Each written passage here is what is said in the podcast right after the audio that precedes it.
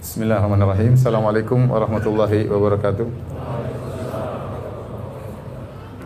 Alhamdulillahi ala ihsani wa syukru lahu ala taufiqihi wa amtinani wa asyhadu an la ilaha illallah wahdahu la syarika lahu ta'ziman li sya'ni wa asyhadu anna Muhammadan abduhu wa rasuluhu da'ila ridwani. Allahumma salli alaihi wa ala alihi wa ashabihi wa ikhwani. Hadirin dan hadirat yang dirahmati oleh Allah Subhanahu wa taala. Alhamdulillah puji dan syukur kita panjatkan kepada Allah Subhanahu wa taala atas segala limpahan karunia yang Allah nikmat berikan kepada kita. Salawat dan salam semoga tercurahkan selalu kepada suri teladan kita, junjungan kita Nabi Muhammad sallallahu alaihi wasallam dan juga kepada keluarganya serta seluruh sahabat beliau tanpa terkecuali. Pada uh, pertemuan uh, yang lalu kita telah uh, menjelaskan tentang bagaimana kondisi kondisi Jaziratul Arab tentang kerusakan-kerusakan yang terjadi baik dari sisi agama maupun dari sisi moral ya. Terlalu banyak ya, kesyirikan yang mereka lakukan. Demikian juga dari sisi moral, moral mereka sangat bobrok sebagaimana kita sebutkan di antaranya mereka suka berjudi, kemudian mereka suka minum khamar sampai khamar itu adalah minuman yang jadi minuman kebanggaan mereka di antaranya mereka juga ya suka membunuh anak-anak mereka ya kalau anak mereka lahir perempuan ya mereka bunuh ya, karena mereka malu punya anak e, perempuan. Ini sudah saya sebutkan atau belum? Yang tentang anak perempuan. Belum ya. Jadi di antara e, jahiliyah mereka ya kalau mereka punya anak perempuan lahir maka mereka lakukan dua perkara. Mungkin mereka langsung kuburkan hidup-hidup atau dibiarkan untuk hidup sampai umur sekitar 7 tahun, 8 tahun baru kemudian dikubur hidup-hidup. Ini yang Allah Subhanahu wa taala sebutkan dalam Al-Qur'an wa idzal mau'udatu su'ilat bi ayyi dzambin qutilat ya.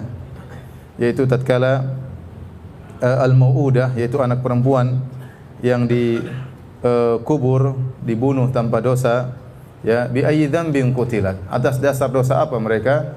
Dibunuh.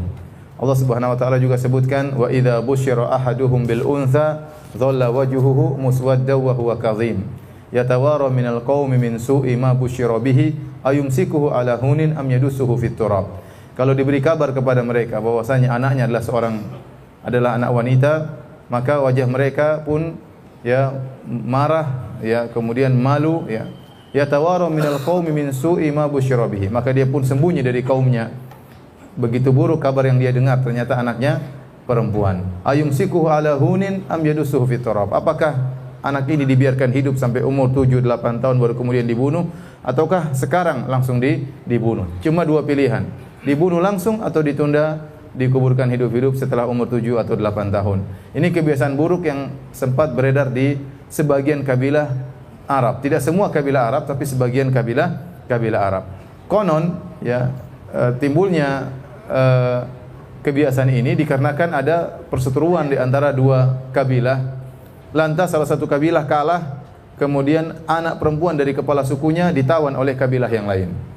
Kemudian hiduplah anak perempuan dari kepala suku ini di kabilah yang lain. Akhirnya suatu hari kepala suku, suku ini ingin menebus anaknya, menebus putrinya. Ternyata putrinya tidak mau ditebus. Rupanya dia sudah jatuh cinta kepada salah seorang dari kabilah musuh tersebut. Maka sejak itu kemudian ayahnya sang kepala suku bersumpah, kalau saya punya anak perempuan lagi akan saya bunuh. Sehingga akhirnya setiap dia punya anak perempuan dia bunuh. Setiap dia punya anak perempuan dia bunuh karena dia jengkel kepada putrinya yang tadi dianggap berkhianat. Maka jadilah ini sebagai kebiasaan di kalangan sebagian kabilah di jazirah Arab. Dia di antara sebab. Di antara sebab yang kedua, ya karena kalau anak perempuan menurut mereka tidak ada faedahnya. Anak perempuan ya hanya menambah beban kehidupan. Mencari makan bagi mereka sudah merepotkan. Yang kedua kalau mereka pun besar tidak akan bisa memperkuat suku tersebut. Karena dahulu orang-orang Arab kabilah-kabilah mereka sering terjadi pertikaian, saling perang-perangan sehingga mereka membutuhkan pasukan yang banyak atau anggota yang banyak. Nah, kalau ternyata anaknya perempuan, anaknya perempuan lagi, maka ini hal yang sangat uh, memalukan. Sehingga jika dikabarkan anaknya perempuan, dia malu, ya maka dua yang dia lakukan dia kuburkan tatkala itu langsung, begitu lahir langsung dikuburkan. atau dia tunggu sampai berusia 7 atau 8 tahun dibiarkan setelah umur 7 atau 8 tahun anak wanita tadi dirias, dihias, kemudian dilepaskan dari ibunya. Ibunya dengan penuh kesedihan dibawa oleh ayahnya, nanti di tengah padang pasir dilemparkan dalam sumur, dikubur hidup-hidup ya. Ini uh, kebiasaan mereka orang-orang uh, jahiliyah ya. Para hadirin dan hadirat yang dirahmati oleh Allah Subhanahu wa taala, uh, tentunya ini adalah perkara yang sangat aneh ya. Namun itu pernah terjadi. Ini untuk untuk bisa menggambarkan betapa rusak kondisi Jazirah Arab secara moral sebelum Nabi Shallallahu Alaihi Wasallam diutus. Nah, masalah ya benci terhadap anak perempuan eh, ternyata masih berlanjut sampai zaman sekarang. Sebagian orang benci atau malu kalau anaknya eh, perempuan ya. Mungkin tidak sampai pada tahapan dibunuh ya. Tidak sampai tahapan tersebut ya. Tetapi Begitu misalnya di USG, ya tadinya istrinya mengandung, dia senang sekali. Istri saya mengandung, cerita ke sana sini.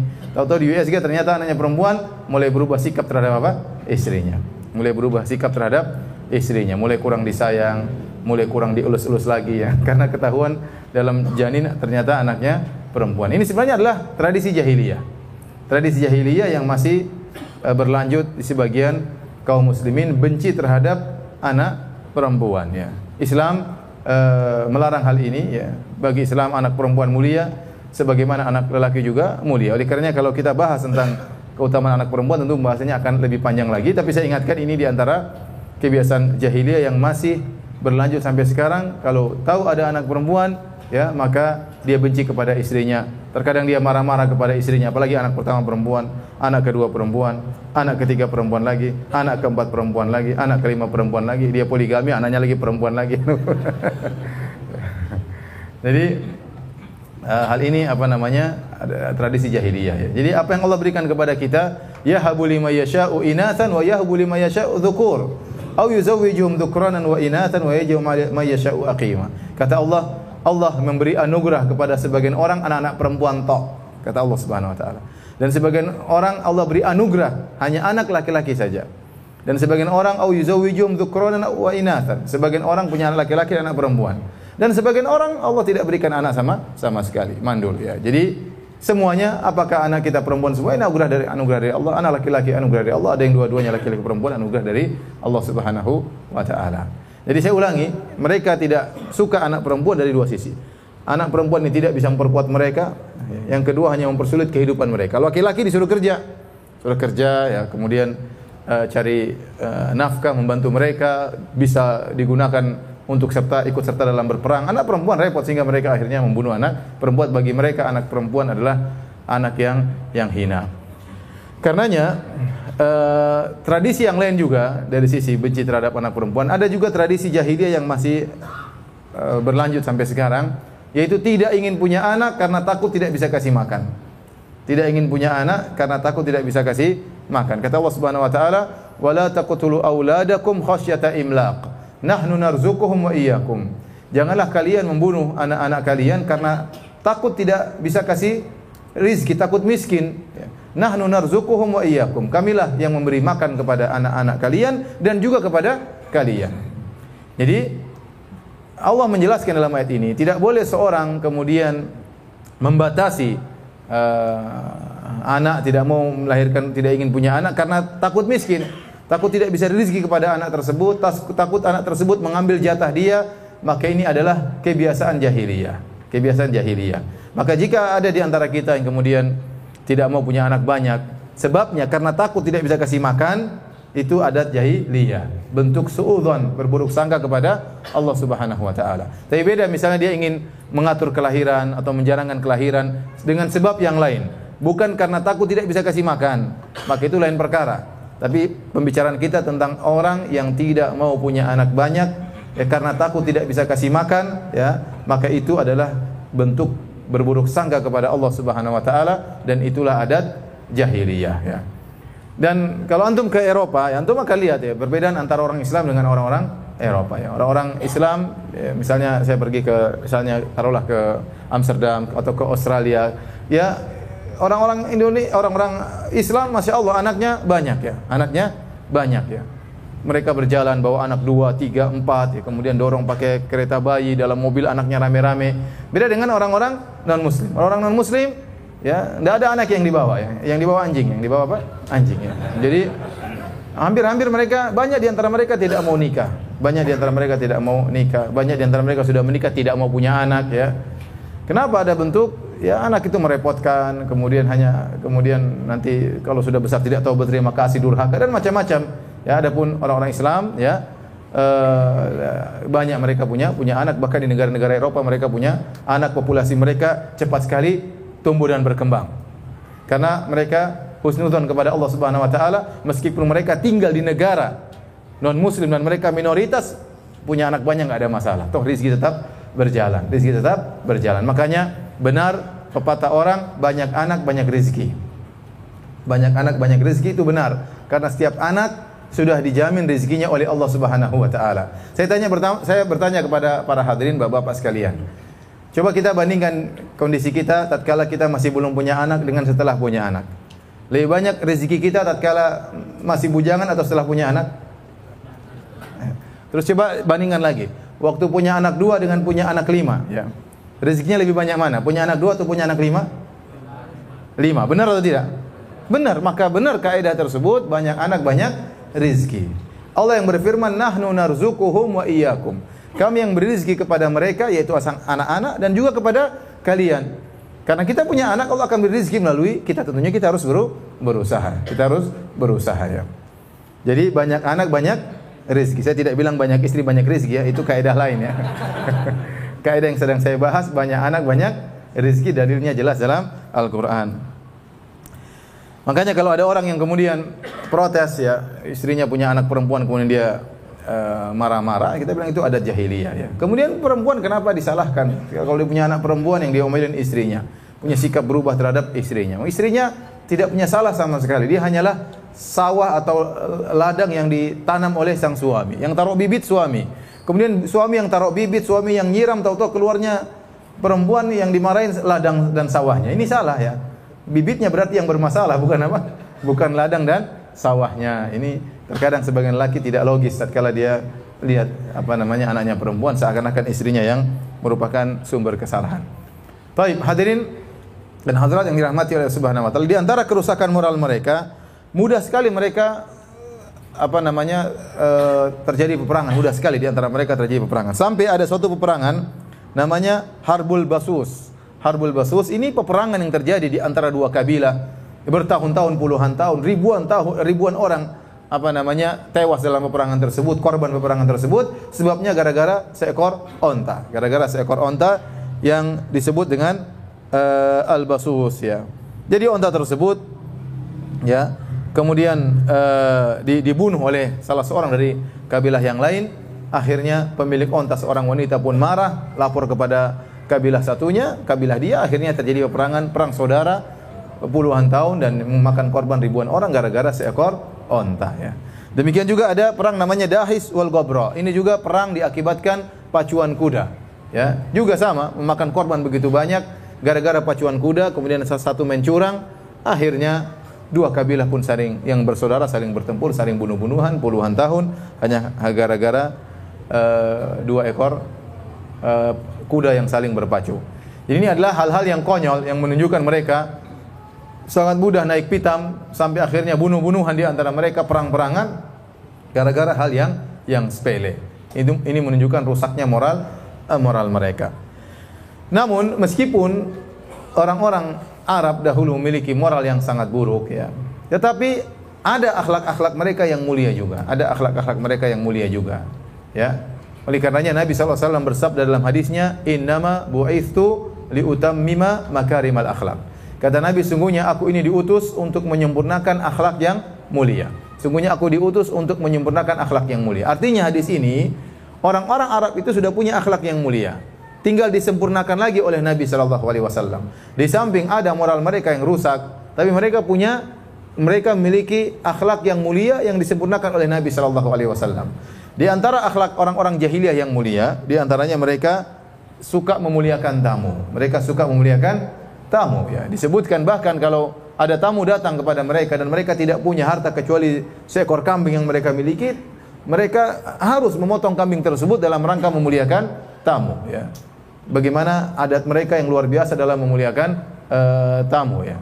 Dan setahu saya adat ini masih berlaku sampai sekarang uh, selama saya hidup di Madinah ya. Kalau kita sudah uh, diundang makan sama orang Arab, orang Saudi luar biasa, pasti penjamuannya pasti luar biasa ya. Nggak mungkin diundang kemudian makan makan sayur asam itu nggak mungkin ya. Pasti kambing guling pasti sudah luar biasa ya. Ya, sebagian teman cerita diundang oleh seorang syekh di rumahnya. Biasanya kalau diundang mereka pakai mukaddimah pembukaan, dikasih kue, dikasih ini, kemudian cemilan-cemilan, kemudian teman ini kira diundang cuma makan ini, makan banyak-banyak ya. Dia makan banyak-banyak, kawan di mahasiswa di Universitas Madinah. Dia makan makan makan, ternyata dia sudah kenyang, baru kemudian kajian intinya keluar. Ayam kata dia, waduh saya nggak tahu sudah terlanjur apa kenyang ya. Padahal mereka punya tahapan pertama ini, biasanya korma, kemudian apa, kemudian kedua baru makan, kemudian ketiga dan begitu kebiasaan mereka rata-rata seperti itu ya. Ini kebiasaan ini sudah ada sejak zaman jahiliyah memuliakan uh, tamu. Kemudian di antara akhlak mereka yang mulia adalah keberanian yang luar biasa. Mereka memiliki sifat berani yang luar biasa ya. Mereka berduel ya, berhadapan perang luar biasa. Ini uh, kebiasaan orang-orang uh, Arab ya Uh, mohon maaf ada pengumuman pemilik mobil Honda Freed ya B WMK harap dipindahkan menghalangi mobil mau keluar. Diulangi um, pemilik mobil Honda Freed B WMK harap dipindahkan menghalangi mobil yang mau keluar. Tolong diperhatikan ya. Uh, di antara uh, sifat mereka yang mulia juga adalah setia kawan. Mereka sangat setia, setia kawan. Makanya kalau kita baca tentang sejarah mereka tentang setia kawan luar biasa ya. E, contoh ada seorang kafir namanya Abul Bakhtari. Abul Bakhtari ini adalah e, orang kafir yang dia pernah menolong Nabi waktu Nabi SAW ada masalah waktu di kota Mekah sebelum Nabi pindah ke Madinah. Ya, dia punya jasa kepada Nabi SAW ya sesama orang-orang Quraisy dia membantu Nabi SAW bukan karena Islam tapi karena sesama orang-orang Quraisy. Dan Nabi ingat betul jasanya. Nabi ingat betul jasanya. Tatkala terjadi perang Badar Abul Bakhtari berada dalam uh, pasukan orang-orang musyrikin maka Nabi ingatkan kepada para sahabat kalau kalian bertemu dengan Abul Bakhtari maka jangan bunuh dia sungguhnya dia pernah berjasa kepadaku begini dan begini terjadilah peperangan akhirnya eh, orang-orang musyrikin kalah dalam perang Badar Akhirnya para sahabat mendapati Abu Bakhtari bersama dengan salah seorang kawannya, sama-sama musyrik dua orang. Akhirnya tatkala dilawan, kalahlah mereka berdua. Akhirnya mereka berkata kepada Abu Bakhtari, Nabi SAW menyuruh engkau untuk tidak boleh dibunuh. Kau selamat. Saya kami akan membunuh kawanmu. Kata Abu Bakhtari, kalian selamatkan juga kawan saya, kalau tidak bunuhlah kami berdua. Subhanallah. Maksudnya ini orang musyrik ya. Tapi dia setia kawan ya. Akhirnya dia dibunuh juga sama para sahabat karena dia bilang kami berdua selamat atau kami berdua mati. Karena tidak ada pilihan bagi para sahabat, akhirnya dua-duanya dibunuh oleh para para sahabat. Maksud saya dalam kondisi yang sangat genting ini pun dia tetap setia setia kawan. Dan ini adalah uh, sifat yang mulia yang ada di orang-orang Arab meskipun di zaman uh, jahiliyah ya. Taib.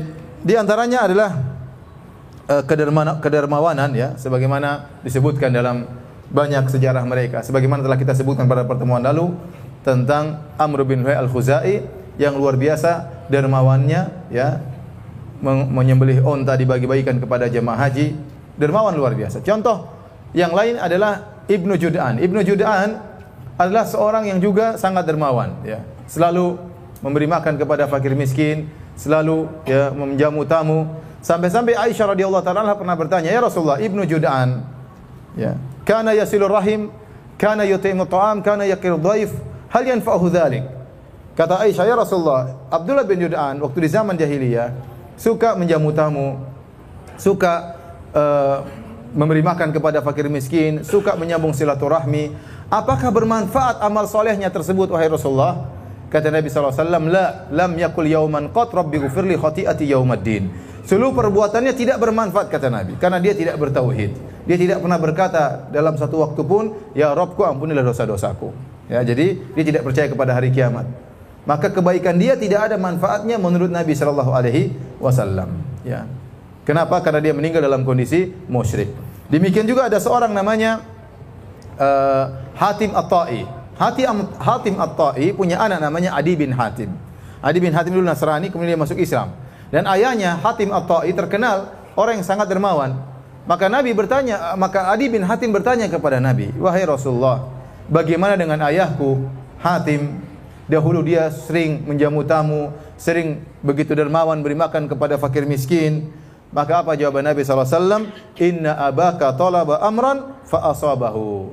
Kata Nabi, ayahmu dahulu di zaman jahiliyah, dia melakukan itu semua karena mencari sesuatu. Dia ingin ketenaran, dia ingin disebut-sebut, dia ria. Fa asabahu. Dan apa yang diinginkan tersebut dia dapatkan. Jadi dia orang terkenal. Artinya Nabi mengatakan tidak ada manfaat bagi dia karena dia beramal soleh tersebut bukan karena Allah Subhanahu wa taala ya. Jadi ini dalil menunjukkan bahwasanya ya orang-orang musyrikin kalau mereka berbuat baik ya kemudian niatnya bukan karena Allah Subhanahu wa taala maka tidak bermanfaat apa yang mereka lakukan tersebut. Mereka akan mendapatkan balasan di dunia. Ya, seperti tadi Hatim atau ingin dapat pujian, ingin dapat sanjungan, maka Allah berikan. Tetapi di akhirat tidak mendapatkan apa-apa, ya. Ada orang orang musyrik berbuat baik, kita bilang dia akan dapat balasannya di dunia, ya. Tetapi di akhirat dia tidak dapat apa-apa karena dia meninggal dalam kondisi ya berbuat syirik kepada Allah Subhanahu wa taala, ya. Taib, demikian kira-kira kondisi uh, masyarakat di Jazirah Arab sebelum diutusnya Nabi Muhammad sallallahu alaihi wasallam. Demikian juga kondisi sebagian negara adidaya di luar Jazirah Arab. Ya, yang jadi contoh adalah Persia dan Romawi. Karena dua negara inilah yang disebutkan oleh Allah Subhanahu wa taala dalam Al-Qur'an. Kata Allah, "Gulibatir Rum fi adnal ardi wa hum min ba'di ghalabihim sayaglibun." Kata Allah telah dikalahkan bangsa Romawi, yaitu dikalahkan oleh Persia di negeri yang terdekat dan mereka sesudah dikalahkan itu akan mengalahkan Persia kembali.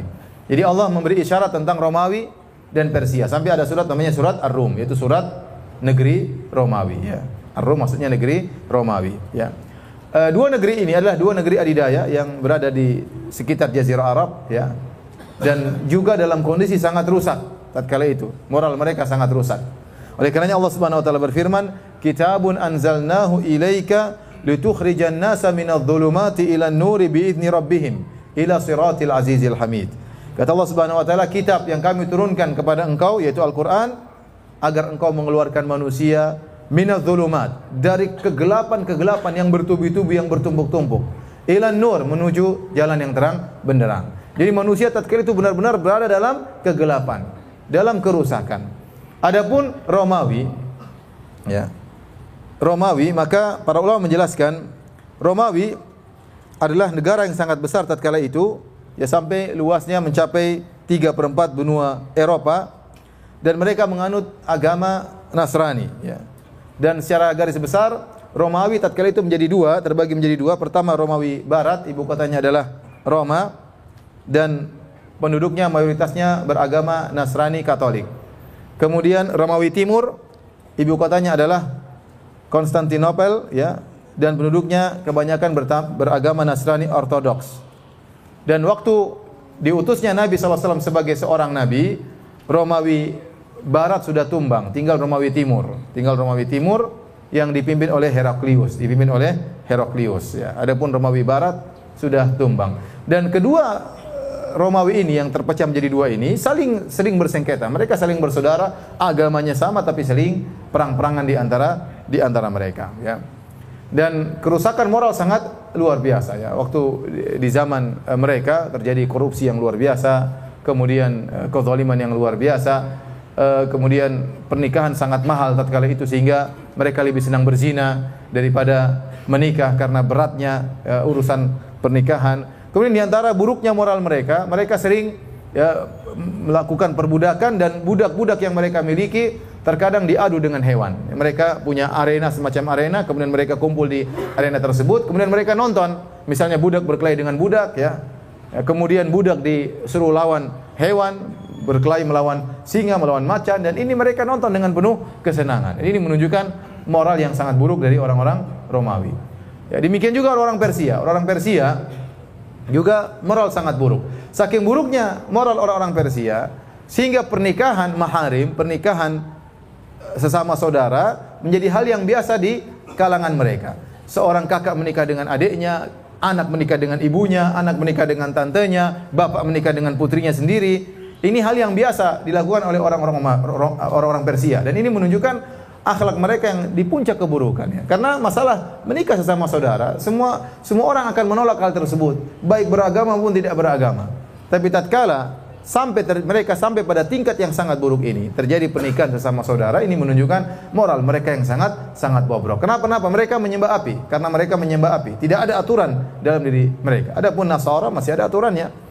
Ya, atau agama lain terkadang masih ada kitab sucinya, masih ada aturannya. Adapun uh, para penyembah api, ya, orang-orang Majusi, tidak ada aturan bagi mereka.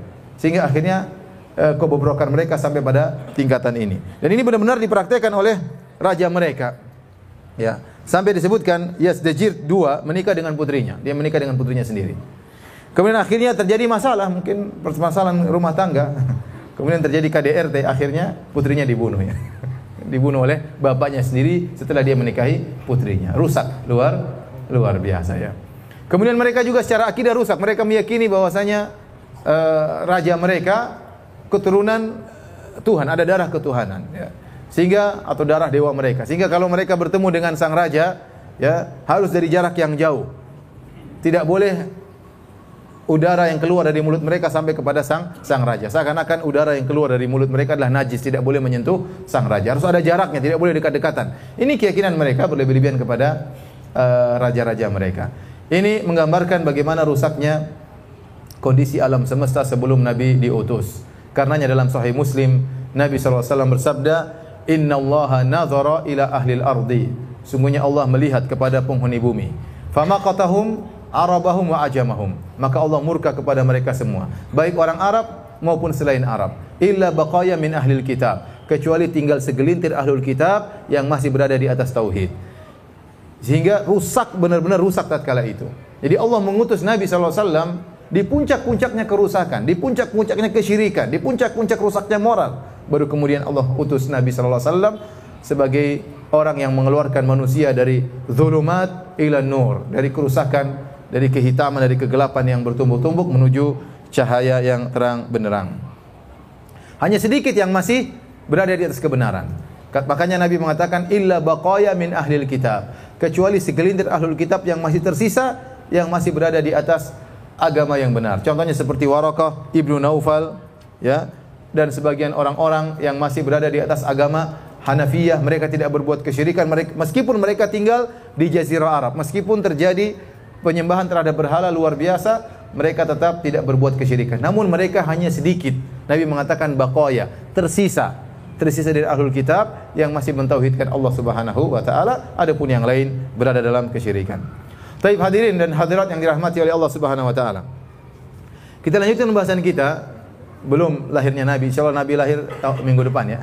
Sekarang belum ya. Pertemuan berikutnya insyaallah baru kita bahas tentang lahirnya Rasulullah sallallahu alaihi wasallam. Sebelum lahirnya Nabi Muhammad sallallahu alaihi wasallam, ada peristiwa yang sangat besar pula yang dengan dikenal dengan peristiwa ten, kisah tentara bergajah yang Allah sebutkan dalam Al-Qur'an dalam surat Al-Fil. Dalam surat Al-Fil.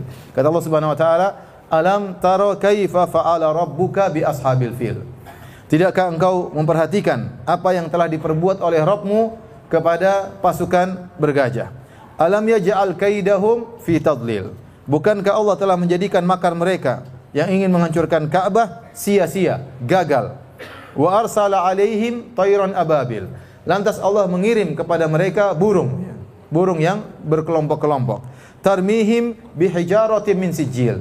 Masing-masing burung tersebut membawa sebuah kerikil batu yang panas yang kemudian dilemparkan kepada mereka. Faja'alahum ka'asfim ma'kul. Maka jadilah pasukan tentara bergajah tersebut jadi seperti daun-daun yang dimakan oleh ulat ya. Daun kalau sudah dimakan oleh ulat kan jadi hancur, lebur karena digigitin oleh ulat. Taib. Bagaimana uh, kisah ini dan apa hubungannya dengan lahirnya Nabi Shallallahu Alaihi Wasallam? Kisah ini ya sebab sebabnya sebagaimana dijelaskan oleh Al Imam Ibnu Katsir dalam tafsir surat Al Fil. Antum bisa merujuk kepada kitab tafsir Ibnu Katsir dalam tafsir surat Al-Fil. Jadi ada seorang namanya Abroha. Abroha ini tinggal di Yaman, di Son'a. Dan dia ini uh, apa namanya uh, dari Abroha dari dari pengikut Najasyi ya. Dari Habasyah, dari Habasyah. Abroha ini bukan orang Arab, tapi dia orang berkulit hitam dari Habasyah, Ethiopia dan dia di bawah dia adalah anak buahnya Najasyi. Najasyi adalah nama raja di negeri Habasyah. Dan Raja Najasyi atau negeri Habasyah beragama Nasara, beragama Nasara. Sehingga walak mereka, loyalitas mereka kepada orang-orang Romawi, orang-orang Nasara. Orang-orang Nasara. Sehingga Habasyah beragama Nasara. Nah, Abraha adalah utusan dari uh, Najasyi yang menguasai kota Yaman di Son'a. Anak buahnya yang ditugaskan untuk mengurus Son'a.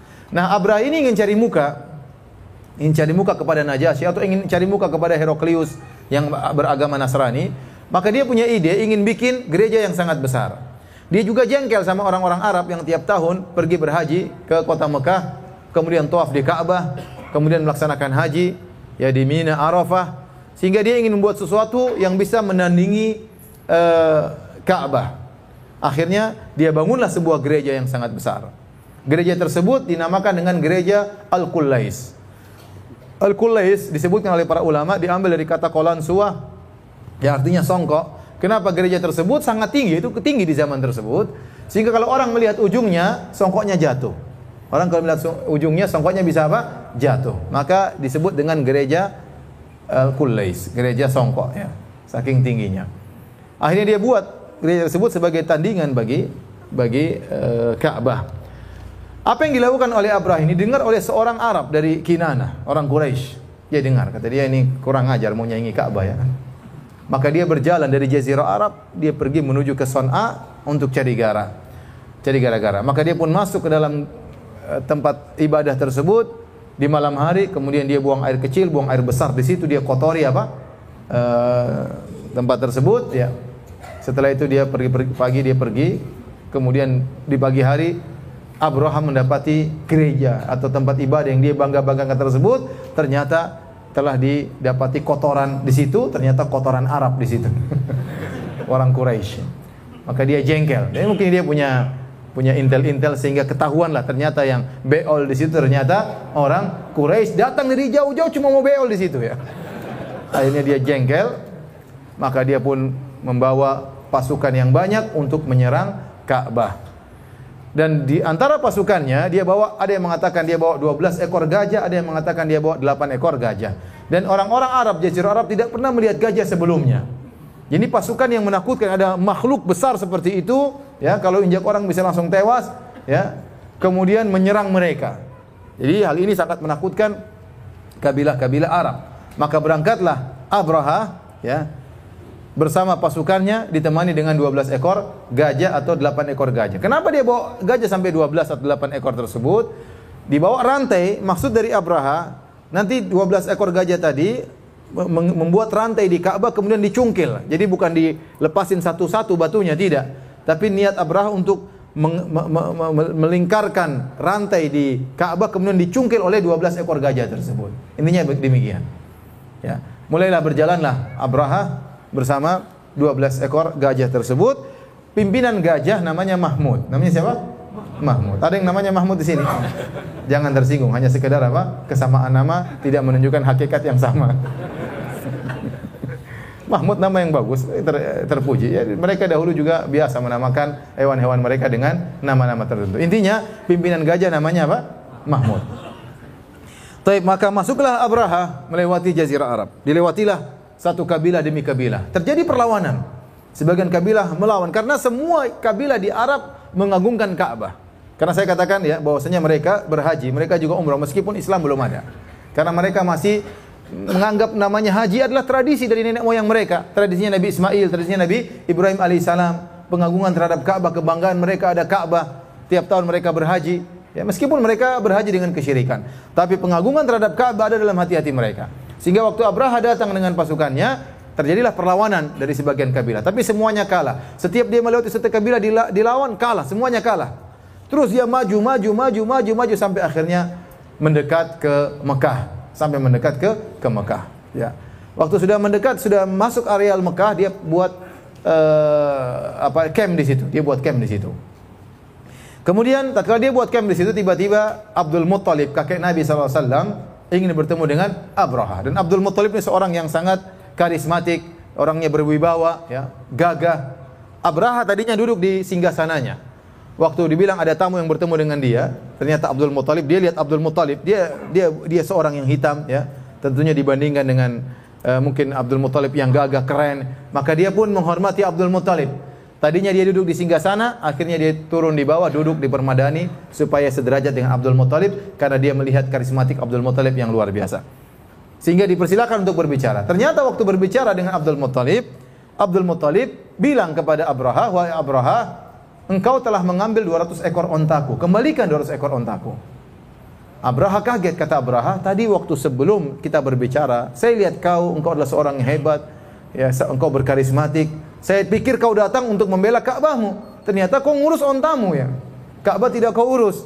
Maka Abdul Muthalib mengatakan, "Inni ana rabbul ibil. Wa inna lil baiti rabban, rabban sayamna'uhu." Saya adalah pemilik onta. Kembalikan onta saya. Ka'bah sudah ada pemiliknya sendiri. Itu urusan pemiliknya. Ya. Akhirnya Abraham mengembalikan apa? Onta-onta Abdul Muthalib dan Abdul Muthalib mengingatkan, sungguhnya walil Ka'bah rabbun yahmiha. Sungguh Ka'bah itu memiliki pemilik yang akan menjaga Ka'bah. Maka Abraha dengan sambungnya berkata, "Makana liam tani aminni." Dia tidak bisa mencegahku. Pemilik Ka'bah itu tidak akan bisa mencegahku. Maka Abraha melanjutkan perjalanannya membawa pasukan bergajah. Apa kata Abdul Muttalib waktu mendengar Abraham mengatakan dia tidak bisa mencegahku? Kata Abdul Muttalib, "Anta wadak, itu urusanmu, itu urusanmu." Kemudian Abdul Muttalib segera balik pulang ke Ka'bah kemudian berdoa kepada Allah Subhanahu wa taala, maka Abraham melanjutkan perjalanannya. Jadi dia sempat berkata, ya, dia berkata dengan kesombongan, dia berkata, "Ukhbirtu bihadzal baiti alladzi la yadkhulu ahadun illa aman." Illa amin. Fajitu ukhifu ahlahu. Saya dengar tentang Ka'bah ini, tentang Mekah, katanya kalau ada orang masuk di, di Mekah pasti aman, tidak ada yang berani ganggu. Penduduknya merasa tentram di kota Mekah. Saya datang untuk memberi ketakutan kepada penduduk kota Mekah. Jadi dia sombong dan angkuh. Ya. Kemudian akhirnya dia bawa gajahnya ya. Tatkala mendekati Ka'bah sudah semakin dekat tiba-tiba gajah-gajah yang dia bangga-banggakan tersebut berhenti tidak mau jalan. Mahmud tidak mau jalan ya. Dan gajah-gajah juga tidak mau jalan. Maka Abraha bingung ya ini kenapa tidak mau jalan? Kalau dibelokkan ke kiri jalan. Dibelokkan ke kanan jalan. Kalau suruh mundur lebih cepat lagi jalannya. Suruh maju menuju Ka'bah tidak mau. Bisik-bisikin pawangnya datang tidak mau. Apa namanya Mahmud tidak mau gerak, kalau Mahmud nggak mau gerak, yang lain juga tidak mau gerak. Akhirnya mereka kebingungan, mereka kebingungan. Tatkala mereka sedang gelisah tersebut, tiba-tiba datang sekelompok burung-burung yang membawa kerikil atau batu yang melemparkan batu tersebut kepada mereka. Kata Ikrimah, beliau berkata, "Annaha kanat tayran khudran kharajat minal bahri laha ru'usun ka ru'usis siba." Burung-burung tersebut berwarna hijau, keluar dari laut, ya mungkin dari Jeddah dari mana ya Kemudian lehernya seperti seperti binatang buas. Setiap burung tersebut membawa kerikil yang panas kemudian dilemparkan kepada pasukan Abraha, dilemparkan kepada pasukan Abraha. Toiran ababil, ababil maksudnya berkelompok-kelompok. Bukan nama burungnya burung ababil ya, jangan salah. Ya, ini burung apa? Burung ababil, bukan. Ababil maksudnya berkelompok-kelompok. Kemudian mereka pun burung-burung tersebut melemparkan kerikil tersebut mengenai pasukan Abraha. Ada di antara mereka yang langsung tewas tatkala itu Ya. Dan di antara mereka ada yang tidak langsung tewas, tapi begitu terkena batu tersebut, mereka ditimpa mereka ditimpa dengan penyakit gatal yang luar biasa, sehingga mereka menggaruk-garuk tubuh mereka sampai lepas kulit-kulit mereka. Dalam riwayat disebutkan, eh, "Fama baqiya minhum ahadun illa akhadatul hakkah atau hikka fakana la yahku ahadun minhum jildau illa tasaqat lahmuhu." Tidak seorang pun yang terkena dengan lemparan batu tersebut kecuali ditimpa dengan gatal yang luar biasa sehingga kalau mereka menggaruk tubuh mereka pasti lepas daging dan lepas kulit mereka. Sebagian mereka tewas seketika. Adapun Abraha tidak langsung tewas. Maka dia menderita rasa gatal kemudian dibawa lari menuju ke kampungnya kembali ke Son'a. Terus dia berjalan dibawa ke sana dan tatkala dalam perjalanan tubuhnya mempreteli ya, preteli bahasa Jawa ya. Apa protol, apa? Protel, preteli kalau bahasa Jawa kan? Terlepas sedikit demi sedikit. Jadinya lepas, jadinya lepas, jadinya lepas, tangannya lepas, tangannya lepas, kupingnya lepas, hidungnya lepas. Lepas, lepas, lepas, lepas sampai akhirnya tiba di Son'a, jantungnya keluar tewas agar mereka lihat inilah orang yang apa namanya hendak uh, merusak Ka'bah ya.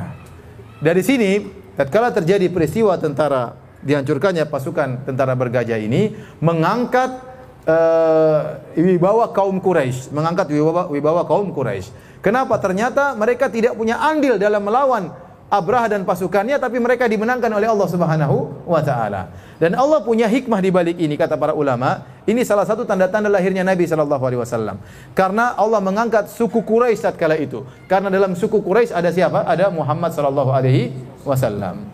Jadi dia diangkat suku Quraisy bukan karena Quraisynya, tetapi karena di situ ada akan lahir seorang anak namanya Muhammad sallallahu alaihi wasallam. Sehingga saat kala itu orang-orang kabilah-kabilah Arab seluruhnya semakin mengagungkan orang-orang Quraisy. Kata mereka, lihat Allah Subhanahu wa taala membela mereka tanpa ada perlawanan sama sekali dari mereka untuk melawan uh, tentaranya Abraha. Hadirin dan hadirat yang dirahmati oleh Allah Subhanahu wa taala, inilah kisah ya menjelang lahirnya Nabi SAW karena lahir, Nabi lahir di tahun gajah. Karena peristiwa ini begitu besar sampai dijadikan penanggalan oleh orang-orang Arab disebut dengan tahun gajah. Amul fil yaitu tahun di mana pasukan bergajah dibinasakan oleh Allah Subhanahu wa taala sehingga dijadikan tanggal pelanggaran sehingga eh, apa namanya tahu eh, tang, tanggal tertentu sehingga kalau ada orang lahir disebutkan dalam sejarah oh, orang ini lahir dua tahun sebelum tahun gajah. Oh orang ini lahir lima tahun setelah tahun gajah. Jadi peristiwa ini benar-benar terjadi. Kenapa saya sebutkan hal ini? Karena sebagian dari agama-agama lain berusaha untuk mengingkari kisah ini. Jawabannya kisah ini benar-benar terjadi. Dalam Al-Quran disebutkan bahkan dalam puisi-puisi orang-orang jahiliyah mereka sebutkan tentang kisah ini. Bahkan dijadikan sebagai tahun penanggalan. Sehingga seorang kalau lahir dikatakan dua tahun setelah peristiwa bergajah atau tiga tahun setelah peristiwa bergajah atau lahir tatkala peristiwa tentara bergajah dihancurkan oleh Allah Subhanahu Wa Taala ini menunjukkan kejadian ini pernah-pernah ada. Tatkala mereka dilempar oleh kerikil kata Allah faja'alahum ka'asfim ma'kul. Jadilah mereka seperti daun yang dimakan oleh ulat. Tadi yang disebut tubuh mereka apa? terputuskan, terlepas sedikit demi sedikit. Taib demikian para hadirin dan hadirat yang dirahmati Allah Subhanahu wa taala insyaallah setelah salat Isya ada sesi tanya jawab Allah taala alam bisawab. Bismillahirrahmanirrahim. Alhamdulillah salatu wassalamu ala Rasulillah wa ala alihi wa sahbihi wa wala. Para hadirin dan hadirat yang dirahmati oleh Allah Subhanahu wa taala. Kita masuk pada sesi kedua tentang tanya jawab ya. Adapun pertanyaan yang Pertama, ya. Assalamualaikum warahmatullahi wabarakatuh. Ustaz, apa benar kondisi pemerintah Arab Saudi saat ini sedang menuju ke zaman jahiliyah dengan dibuatnya peraturan baru dilegalkan dan diberi kebebasan untuk akhwat menggunakan hijab, tidak lagi berwarna hitam, akhwat bisa menonton bioskop dan pertandingan sepak bola dan sebagainya. Jazakallahu khairan wa barakallahu fiik. Uh, Arab Saudi, setahu saya ya, uh, adalah satu-satunya negara yang dibangun di atas undang-undang Al-Quran dan Sunnah satu-satunya. Ya. tentunya tidak sempurna tentunya tidak sempurna. Ada kekurangan. Di sana juga ada perseteruan. Ada orang-orang yang belajar di luar kemudian kembali ke Arab Saudi memiliki pemikiran liberal dan yang lainnya. Tapi secara umum ulamanya tetap ulama di atas manhajus salaf dan mereka tidak ragu-ragu untuk menyatakan suatu haram kalau haram atau halal adalah suatu yang halal ya tapi e, tentunya ada kekurangan-kekurangan, namun kekurangan tersebut tidak digem, tidak sebagaimana digembar-gembar oleh oleh e, berita-berita seakan-akan dibuka bioskop di mana-mana. Itu tidak benar ya. Ada sebagian kota mungkin di Riyadh yang setahu saya di Riyadh dibuka ya ada itu tidak tidak tidak ingkari ya. Memang itu ada dan itu kesalahan ya. Kemudian misalnya ada sebagian wanita ikut nonton bola itu benar ya. Ada sebagian tidak tidak rame-rame seperti digembar-gemborkan. Bahkan kemarin sempat diketahui ternyata wanita yang berpose ikut nonton bola, dia wanita yang sama dalam acara-acara nonton bola yang lainnya ya. Mereka-mereka itu saja orang-orangnya sehingga mereka ingin menjadikan suatu hal yang yang, yang, yang apa namanya yang seakan-akan sudah tersebar di Arab Saudi. Sampai sekarang contohnya Arab Saudi membolehkan wanita untuk menyetir mobil dan itu memang secara syariat tidak ada larangan. Tetapi toh di Madinah pun tidak ada wanita nyetir apa? E, mobil. Artinya e, secara aturan boleh tapi mereka tidak mengerjakan. Intinya secara umum tidak ada namanya tempat perzinahan, tidak ada tempat minum khamar. Masih menurut saya adalah masih negara yang terbaik karena satu-satunya negara yang dibangun di atas undang-undang Al-Qur'an dan dan sunnah ya. Oleh karenanya para qadinya, para hakimnya adalah ahli dalam syariah. Di kalau saya pergi ke, ke kantor kantor pengadilan di situ letakkan buku-buku para ulama karena mereka mengambil hukum dari buku-buku para ulama. Adapun kekurangan ada yang ada itu tidak kita ingkari ya. E, tentunya mungkin kita kasih uzur, mungkin kalau saya boleh memberi uzur kepada pemerintah Arab Saudi, mungkin dia punya politik tersendiri menghadapi tekanan global dari berbagai macam negara luar. Mungkin dia menempuh kemudaratan yang lebih ringan dalam rangka menolak kemudaratan yang lebih besar. Kita tidak tahu ya. Tapi kalau kita bilang ada kekurangan, ada kekurangan. Kita tidak ingin tidak kita tidak mengatakan Arab Saudi adalah negara yang maksum ya. Negara yang juga punya kekurangan ya dengan berbagai macam kondisi sekarang tapi kelebihannya masih terlalu terlalu banyak. Wallahu alam bisawab. Adapun mengatakan negara Arab Saudi sedang menuju menuju jahiliyah ini agak berat ya. Ini perkataan yang sangat apa? Berat. Kalau dia sedang menuju jahiliyah, yang lain semua jahiliyah berarti kalau begitu. Kalau dia sedang menuju jahiliyah berarti yang ada sekarang semuanya di zaman apa? Jahiliyah. Adapun mengatakan sekarang kita di zaman jahiliyah tidak bisa, tidak gampang mengatakan kalimat seperti itu sementara Islam berkembang di mana-mana bahkan di negara Eropa juga Islam mulai apa? berkembang. Kemudian kita mengatakan ada negara menuju jahiliyah agak agak berat. Ya namanya pertentangan, perdebatan antara kebenaran kebatilan ada di mana-mana, bahkan di Arab Saudi. Ulama begitu banyak mengatakan haram tiba-tiba ada satu orang nyeleneh mengatakan oh itu tidak apa-apa nggak pakai jilbab. Itu yang diangkat-angkat oleh media. Padahal di sana tidak ada seperti itu. Cuma satu orang ini yang keluar di media kemudian digembar-gemborkan. Ya, contoh seperti kemarin uh, pernyataan sebagian ulama, ya, ya, Syekh Abdullah Al Mutlaq mengatakan tidak harus memakai jilbab gaya Saudi dan itu benar. Kita orang Islam tidak harus memakai jilbab gaya Saudi, pakai abaya. Abaya itu baju yang diletakkan di atas sehingga kainnya langsung begini. Ya. Jadi kain diangkat ke atas, taruh di atas apa? Kepala. Itu gaya ber, berjilbab orang-orang Arab. Kata dia tidak harus memakai abaya model orang Arab. Diterjemahkan oleh sebagian media sosial, dia menyatakan tidak harus pakai jilbab. Ya, eh, aneh kan? Padahal tidak harus berjilbab dengan model gaya orang Arab Saudi dan tidak ada ulama yang mengatakan harus berjilbab dengan model Arab Saudi. Ya, yang penting menutup aurat, yang penting syaratnya dipenuhi, kemudian menutup aurat, tidak membentuk, membentuk tubuh, anggota tubuh, tidak tembus pandang, maka sudah sah jilbab tersebut, tidak memakai pakaian yang sangat menarik perhatian, maka sudah sah jilbab tersebut sudah syar'i, tidak harus berwarna hitam, tidak harus memakai model seperti modelnya orang orang Arab. Tapi diterjemahkan di sebagian media eh, pangeran atau ulama mengatakan tidak mengapa pakai tidak pakai jil jilbab. Ini tentunya jauh dari apa yang kita kenal dari kerajaan Arab Saudi. Saya ingatkan kembali jadi Arab Saudi eh, mereka juga berhak untuk berpolitik dan mereka juga punya kekurangan tidak sempurna ya ya, tetapi kebaikan mereka masih jauh lebih lebih banyak. Mengapa Islam diturunkan di Jazirah Arab padahal Romawi dan Persia juga rusak akhlak masyarakat? Ini sudah kita sebutin, kita sebutkan di awal pengajian ya. Kalau bisa kembali kepada kajian seri pertama ya.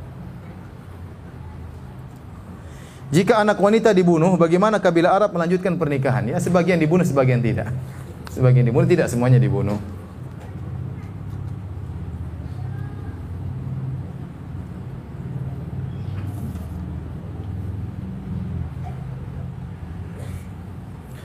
Apakah ada di Indonesia yang mana dalam pernikahan mematok mahar dan resepsi yang besar dan mewah, bermewah-mewahan termasuk kerusakan moral dan mohon nasihatnya? Ini mungkin nggak nikah-nikah karena kemahalan mahar. uh, sebenarnya masalah mahar ya uh, tidak ada patokan dalam Islam berapa mahar, bebas-bebas ya, bebas. Tetapi yang paling berkah adalah yang paling apa? Aisruhunna mu'nah, yang paling mudah acara nikahnya. Ada ada namanya walimah, dianjurkan bahkan sunnah kata Nabi aulim walau bisa bikinlah walimah meskipun hanya menyembelih seekor kambing. Ini berarti Nabi mengisyaratkan walimah karena pernikahan adalah suatu perkara yang sangat menggembirakan.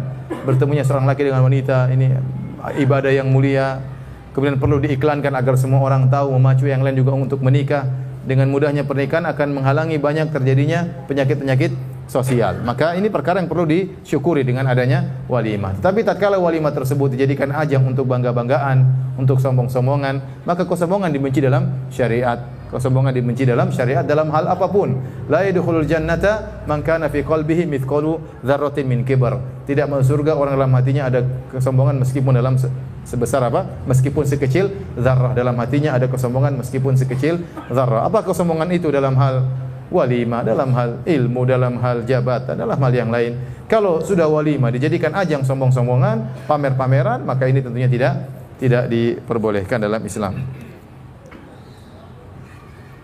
Tadi sebelum Nabi ber, Muhammad SAW diutus, umatnya sudah berhaji. Apakah sama syariat berhajinya di zaman itu dengan hajinya di zaman Rasulullah? Eh, orang-orang jahiliyah mereka berhaji. Mereka juga ada ke Mina, mereka juga ada ke Arafah, mereka juga lempar jamarat. Tetapi ada bid'ah dan ada syirik yang mereka campurkan dalam haji mereka. Ya. Di antaranya bid'ah yang dilakukan oleh orang-orang Quraisy. Orang-orang Quraisy khusus. Jadi Arab itu banyak kabilahnya. Di antaranya kabilah Quraisy, kabilah yang paling top. Selain itu banyak kabilah-kabilah yang lain. Orang-orang Quraisy kalau mereka berhaji pada tanggal 9 Hijjah yaitu pada hari Arafah, mereka tidak wukuf di Arafah tapi mereka wukufnya di Muzdalifah. Mereka tidak mewukuf di Arafah. Adapun suku-suku yang lain mereka wukuf di padang Arafah. Kenapa? Karena kata orang-orang Quraisy kami adalah dari orang-orang suci bagaimana kami penduduk negeri haram, kami harus keluar ke tanah halal. Tanah Arafah itu tanah halal. Tanah Arafah itu tanah halal. Jadi boleh ber, uh, boleh berburu, boleh matain Eh, dahan, adapun Mina dan Muzdalifah tanah haram. Sementara aturan dalam haji kalau seorang wukuf di padang Arafah tanggal 9 harusnya wukufnya di, di padang Arafah dan padang Arafah tanah halal. Nah, orang-orang Quraisy mereka punya bid'ah kata mereka, kami ini penghuni tanah haram. Kami tidak pantas untuk keluar ke tanah halal sehingga mereka pun tatkala 9 Zulhijjah mereka wukufnya di Muzdalifah bukan di Arafah. Contohnya mereka berhaji tapi mereka tatkala talbiyah ada syiriknya. Kata mereka labbaik Allahumma labbaik, labbaik la syarika labbaik illa syarikan huwalak tamliku wa malak. Kata mereka labbaik Allahumma labbaik. Ya Allah kami penuhi panggilanmu ya Allah tidak ada syarikat bagimu illa syarikan huwalak tamliku wa malak kecuali syarikat yang kau izinkan, syirik yang boleh yang kau menguasainya dan dia tidak menguasai apa-apa. Jadi mereka hajinya ada tapi mereka ada bid'ah dan ada kesyirikan. Contoh sebagaimana mungkin oh, saya belum jelaskan tapi di antaranya mereka kalau datang tawaf, mereka mau umrah, mau tawaf di Ka'bah, mereka meyakini baju yang mereka pakai ini nggak boleh digunakan untuk tawaf. Kenapa? Karena baju yang mereka pakai ini adalah baju untuk maksiat. Mereka merasa hina kalau tawaf di Ka'bah pakai baju yang pernah mereka gunakan untuk maksiat. Sehingga mereka kalau sampai ke Ka'bah, mereka ingin tawaf, mereka cari baju baru atau mereka pinjam baju dari orang-orang Quraisy penduduk setempat. Kalau tidak ada, maka mereka tawaf dalam kondisi telanjang. Mereka tawaf dalam kondisi telanjang dalam rangka karena mereka yakini baju yang mereka bawa ini pasti sudah pernah digunakan untuk maksiat, tidak pantas untuk digunakan tawaf di rumah Allah Subhanahu wa taala. Itu bid'ah.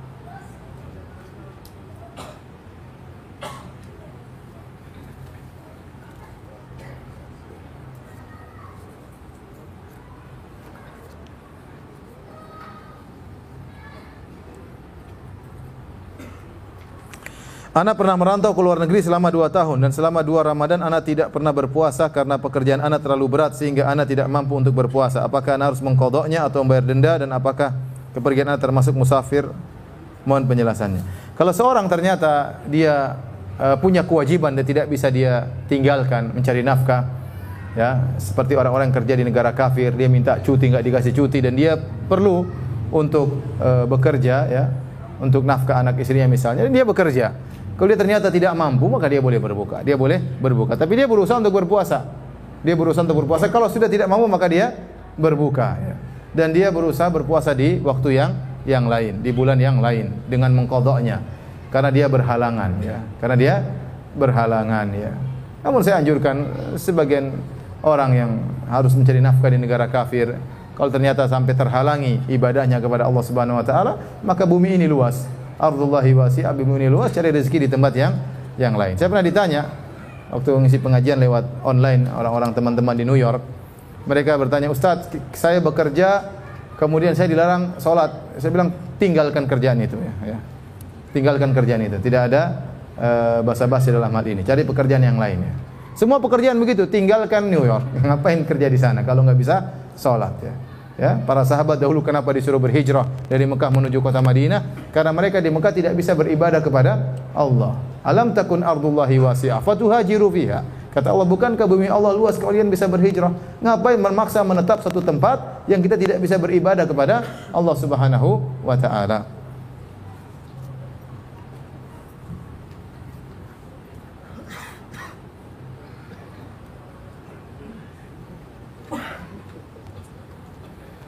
Manhaj salaf dalam berdakwah adalah mendahulukan tauhid. Bagaimana hukumnya datang ke kajian sirah namun belum maksimal dalam kajian tauhid? Ya kajian dua-duanya. Kajian dua-duanya. Al-Qur'an itu isinya uh, tauhid dan penyempurnanya. Penyempurna tauhid sebenarnya dijelaskan oleh Ibnu Qayyim banyak. Hukum-hukum juga itu penyempurna tauhid. Bagaimana Anda mentauhidkan Allah kalau Anda tidak mengerti hukum-hukum? Ya, hukum ini, hukum Anda harus belajar juga supaya Anda bisa beribadah kepada Allah dengan benar. Bukan ke tauhid beribadah kepada Allah, tapi tidak pernah belajar fikih terus gimana? Ya. Ya, Al-Quran itu harus dibaca semuanya, bukan cuma ayat-ayat yang menyuruh untuk tauhid tok, paham? Al-Quran seluruhnya isinya tauhid. Jangan dipahami secara secara terlalu sempit. Bahwasanya namanya ngaji tauhid harus tauhid tok, tidak ya. Tauhid penting, tapi banyak hal yang harus juga kita pelajari. Pelajari adab, pelajari hukum, pelajari fikih, pelajari sirah ya. Semua sebagaimana manhaj salaf mereka tidak ngajarin tauhid tok, paham? Mereka ngajari juga yang lainnya. Tetapi konsentrasinya tentunya adalah tauhid. Nanti kita akan bahas masalah sirah pun banyak saya masukkan tentang masalah tauhid ya. Tadi saya jelaskan bahwasanya orang yang baik seperti Hatim At-Ta'i tadi ternyata amalnya tidak diterima. Kenapa dia tidak bertauhid kepada Allah Subhanahu wa taala? Tadi saya sebutkan ada mereka juga berhaji, mereka berumrah tapi ternyata dicampur dengan kesyirikan. Jadi, jangan kita salah paham dengan plek bahwasanya ngaji tauhid berarti harus kita tauhid tok yang lainnya tidak dikaji. Ini enggak benar ya. Ini enggak enggak benar. Ini salah paham muamalah ya. Kalau kita nggak ngerti tentang muamalah terjerumus dalam riba, gimana mentauhidkan Allah dengan baik sementara kita melakukan apa? riba. Bagaimana mengagungkan Allah dengan baik sementara kita tidak paham tentang riba. Jadi semua dipelajari meskipun konsentrasi tauhid tentu lebih lebih besar karena masyarakat kita masih banyak yang belum ngerti tentang masalah tauhid, tapi semuanya dibahas. Semuanya dibahas. Islam itu sempurna, ya. Islam itu sempurna. Dan ini yang dilakukan di uh, Saudi juga. Di Saudi bukan kajian kitab tauhid saja. Antum coba kalau masuk di Masjid Nabawi, kitab tauhid. Nanti pembahasan masalah fikih, masalah bahkan fikih madhab syafi'i, ada fikih madhab hambali, ada kajian sirah, ada kajian banyak kajian-kajian. Ada kajian adab, ada kajian. Bukan berarti kalau ngaji tauhid berarti harus kitab tauhid tok ya. Saya pun ngajar kitab tauhid, kajian rutin. Saya juga ada sirah, saya juga ada fikih, ya. Saya juga ada kajian kitabul adab, ya. Karena Al-Qur'an harus dibahas seluruhnya. Paham? Jangan salah paham, jangan cuma disangka namanya tauhid tauhid tok ya. Oleh karenanya para hadirin hadirat yang hati Subhanahu wa taala, kalau ada ustadz yang bahas yang lain tidak perlu kita nyinyir, enggak perlu kita sindir ya. Ada ustadz misalnya pakar dalam muamalah, penting atau tidak? Atau enggak usah ngaji kitab tauhid aja. Yang ngaji muamalah enggak usah, enggak benar berarti. Yang ngaji tauhid ngaji muamalah juga. Yang salah kalau ngaji muamalah tok tidak pernah ngaji tauhid, ya itu salah. Ya. Ustadz itu nggak pernah bahas tauhid ya. Ustadz itu sudah mencukupkan ustadz yang lain bahas tauhid. Kalau semua ustadz bahas tauhid, kemudian siapa yang bahas muamalah? Siapa yang bahas masalah adab? Siapa yang bahas masalah fikih, menikah, fikih cerai? Siapa yang bahas? Yang antum saja nggak ngerti masalah fikih cerai. Cerai istri nggak ngerti, ternyata sudah talak tiga, nggak paham. Ya. Siapa yang bahas fikih, poligami? Akhirnya poligami ngawur ya. Siapa yang bahas? Mengaji tauhid terus gimana bahas fikih poligami? Paham? Jadi semuanya di, dibahas ya. Radio Solihin perlu dibahas nggak? Perlu. Al-Quran perlu dibahas nggak? Ya, Al-Quran tuh ayatnya banyak tentang hukum, tentang fikih, tentang akhirat, tentang hari kiamat, macam-macam. Jadi Ibnu Qayyim rahimahullah mengatakan Al-Quran Islam seluruhnya tauhid. Ada tauhid secara langsung to the point tauhid, ada penyempurna tauhid. Di antara penyempurna tauhid masalah hukum-hukum harus dimengerti karena ini adalah penyempurna tauhid. Terus menjelaskan tentang penghuni surga, menjelaskan tentang penghuni neraka jahanam. Ini semua berkaitan dengan tauhid.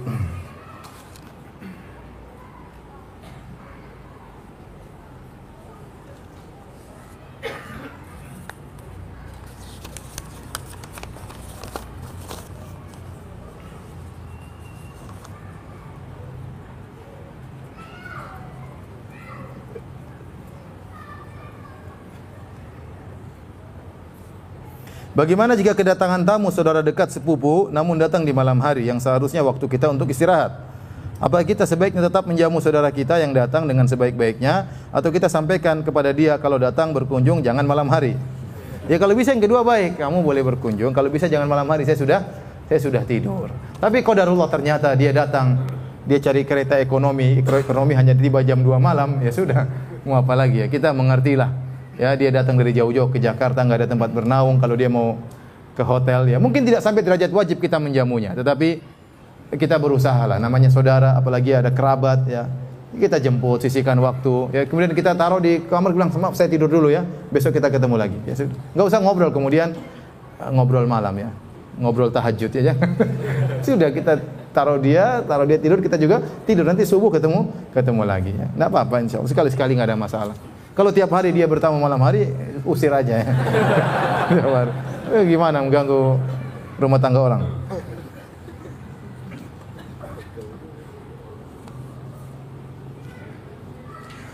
Tadi disebutkan bahwasanya sebagian orang-orang Quraisy berdoa tatkala uh, mereka bersandar di Ka'bah. Disebut dalam sebagian riwayat mereka demikian, mereka beri Ka'bah kemudian mereka berdoa. Apakah mereka berarti bertauhid? Tidak ya. Mereka jangankan mereka berdoa, mereka berhaji atau tidak? Jangan cuma berdoa, mereka juga tawaf, mereka juga apa? Berhaji. Tapi apakah mereka kemudian otomatis berhaji jadi orang Islam? Jawabannya tidak. Meskipun mereka berhaji, mereka di atas apa? Kesyirikan. Apa yang biasa dilakukan Nabi saat remaja? Nabi aja belum lahir, mas bahas remajanya. Sebentar. Masih depan ke depan nanti kita belajar ya.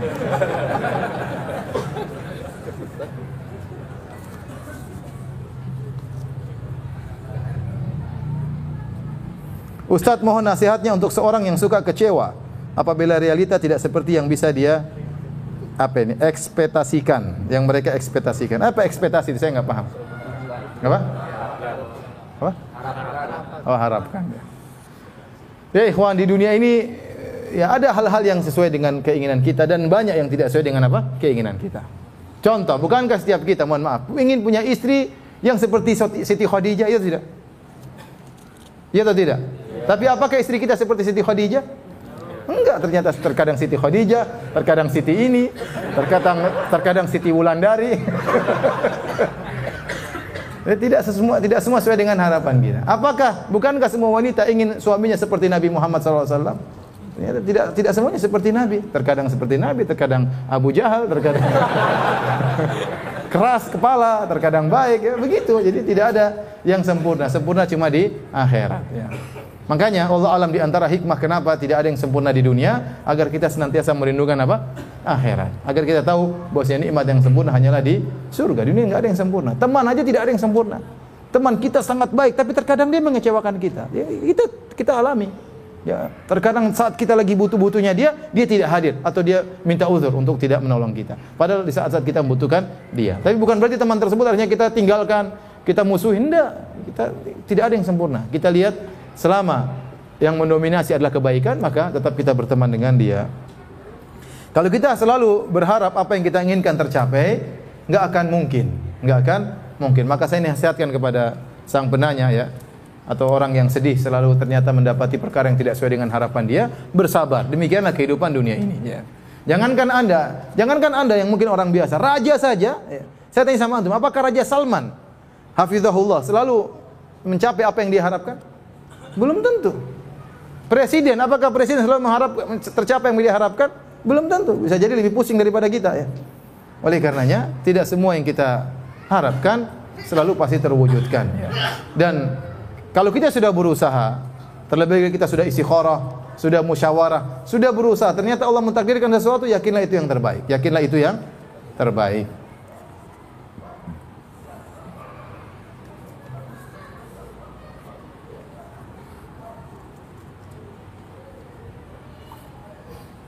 Apakah termasuk futur orang yang malas menuntut ilmu di bangku kuliah, tapi sangat semangat menuntut ilmu agama? Karena saya sangat malas mengerjakan skripsi. tapi semangat mengikuti kajian sunnah. Ya, kita sudah kuliah, sudah dibiayai oleh orang tua. Ya. Kita sebagaimana, anggap saja Anda sedang bekerja. Anda coba kalau kerja di kantor malas-malasan cuma ikut kajian sunnah. Anda akan dipecat sama sama bos ya. Kalau sudah dipecat, akhirnya susah juga ngaji. Akhirnya cari kerja yang lain, susah dapat duit, susah juga ngaji. Sampai di rumah diomelin sama istri, repot ya. Jadi hidup penuh dengan kegelisahan. Jadi kalau tatkala Anda sudah dibiayai sama orang tua untuk kuliah, maka kuliah dengan baik. Ini amanah dari orang orang tua. Ya, kerjakan skripsi dengan baik, waktunya ngaji-ngaji yang yang baik. Jangan jadikan ngaji ini sebagai alasan untuk malas bekerja. Salah. Jangan jadikan ngaji ini sebagai malas untuk nulis apa? Skripsi ya. Ya kalau Anda mau keluar keluar dari awal seperti saya, sejak awal keluar. saya pindah banting setir kuliah agama, nggak ada masalah. Yang penting saya masih kuliah ya. Tapi kalau kuliah nggak beres, ngaji juga nggak beres, repot ya. Ustadz juga nggak jadi, pedagang juga nggak jadi. saya ulangi, jangan jadikan ngaji ini sebagai alasan untuk tidak bekerja.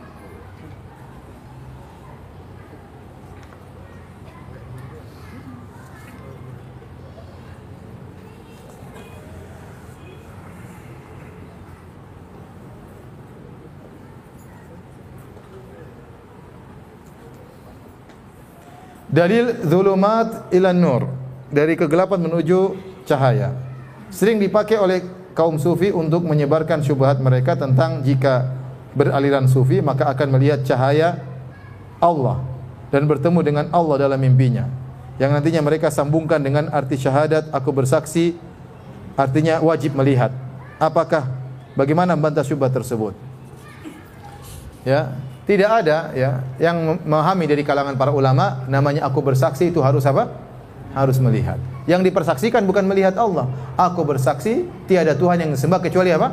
Allah. Jangan dipotong-potong ya. Paham? Saya bersaksi bahwasanya Allah itu ada misalnya. Saya bersaksi akan hal itu. Jadi yang disaksikan bukan melihat Allah, tapi yang disaksikan Allah sebagai apa? Tuhan. Paham? Coba syahadah la ilaha artinya apa sih? Asyhadu alla ilaha illallah. Aku bersaksi bahwasanya tidak ada yang berhak disembah kecuali apa? Allah. Bukan aku bersaksi melihat. Ini sufi tidak tahu bahasa Arab, paham? Bersaksi itu bukan artinya apa? Melihat. Kalau bahasa Indonesia menyaksikan, iya benar. Jadi dia mau nafsirkan la ilallah bahasa Arab dengan bahasa apa? Indonesia. Ini ngawur, seperti inilah kejahilan.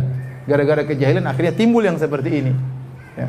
Padahal namanya bersaksi itu bukan melihat, tapi mempersaksikan, membenarkan ya, bahwasanya tidak ada yang berhak disembah kecuali apa? Allah, ya. Kalau saya bilang eh, apa namanya? Saya bersaksi bahwasanya uh, tiga lebih banyak daripada dua misalnya. Apakah saya lihat? Saya tidak lihat, tapi itu sesuatu yang saya sak saksikan. Artinya saya membenarkan. Artinya saya membenarkan. Ini contoh karena di antara kerusakan yang timbul sering menafsirkan sesuatu yang tidak pakar bahasa Arab, akhirnya mengartikan sesuatu dengan bahasa dia sendiri. Akhirnya timbullah penyimpangan seperti ini. Ya. Kalau ternyata bersaksi artinya harus melihat, semua orang banyak yang kafir kalau begitu. Antum pernah lihat Allah enggak? Berarti sahada ente enggak beres. Ya. Berarti belum benar. Berarti banyak orang kafir, bahaya seperti ini.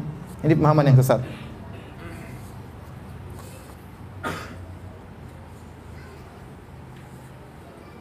Ustadz, apakah termasuk jahiliyah kalau kita takut tidak bisa mendidik anak, apalagi dalam hal agama? Seorang berusaha mendidik anaknya, apalagi di zaman sekarang dengan sebaik-baiknya. Dididik di rumah, diajarkan yang baik-baik, dia contohkan yang baik-baik. Masalah hidayah di tangan Allah Subhanahu wa taala. Seorang kalau sudah berusaha, dia punya hujah di hadapan Allah, ya Allah saya sudah berusaha. Dan usaha kita mendidik anak. Apakah anak kita menjadi baik atau tidak, usaha kita tetap berpahala. Adapun dia baik atau tidak urusan Allah Subhanahu wa taala. Nabi Nuh alaihissalam berusaha mendidik anaknya seribu tahun atau 950 tahun, ternyata anaknya tetap aja kafir. Tapi apakah Nabi Nuh alaihissalam dicela oleh Allah Subhanahu wa taala? Jawabannya tidak. Tetap saja dipuji oleh Allah Subhanahu wa taala. Yang penting kita berusaha. Demikian para hadirin hadirat kajian kita pada kesempatan kali ini insyaallah kita lanjutkan pada kesempatan yang lain. Kita buka majelis subhanakallah bihamdik asyhadu alla ilaha illa anta astaghfiruka wa atubu ilaik. Assalamualaikum warahmatullahi wabarakatuh.